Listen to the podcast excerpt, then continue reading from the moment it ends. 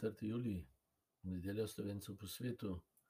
Jezus pa v Evangeliju prihaja v svoj domači kraj, spremljajo ga učenci, sobota je, gre v shodnico tam, kjer se vsi dobijo.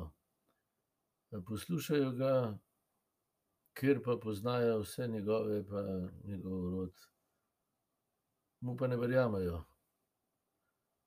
Se spotikajo in vidim, od kod njemu to, če pa vemo, kdo je, čigav je pa tako naprej, saj ne more to biti. Zaradi tega v domačem kraju ni mogel storiti nobenega velikega čudeža ali pa ozdraviti nekoga, razen nekaterih. In se je čudil tej neveri. No, torej, preprosto je to. Zdaj, pokaže evangelist, to našo držo vsakega človeka do njega, nevera. Nezaupanje do boga. Bog je celo staro zavezo kazal, da se drži zaveze, da je navzoč in da je stoprocentno do človeka, ampak vsaka generacija, vsak človek osebno doživi to, da mu ne zaupa, da mu ne more zaupati. In da je celo sovražen do njega, to pa v našem času še posebej doživljamo, ne, to obupno sovraštvo do boga, ker ni stvari postavil tako, kot jih moj ego vidi. Moja človeškost na način Adama, se pravi, ujeta v strah zase, nasilje, sebičnost in, gledanje skozi svojo ozko sebično korist. to je Adam in Eva.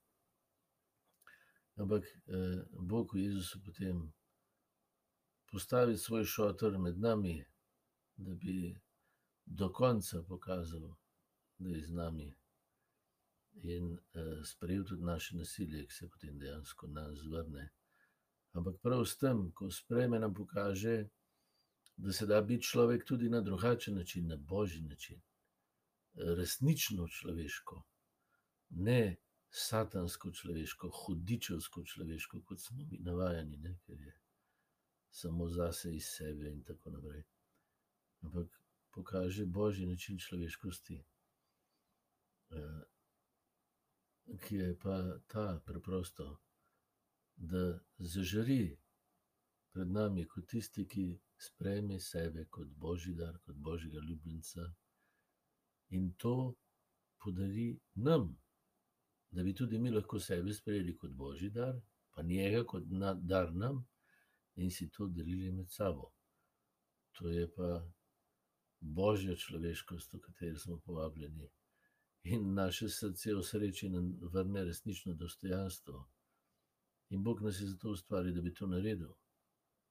To vedno povzamem z besedami, da nam vrne, da smo ljubljeni sinovi in hčere in da smo lahko med sabo bratje in sestre. To je biti človek na božji način.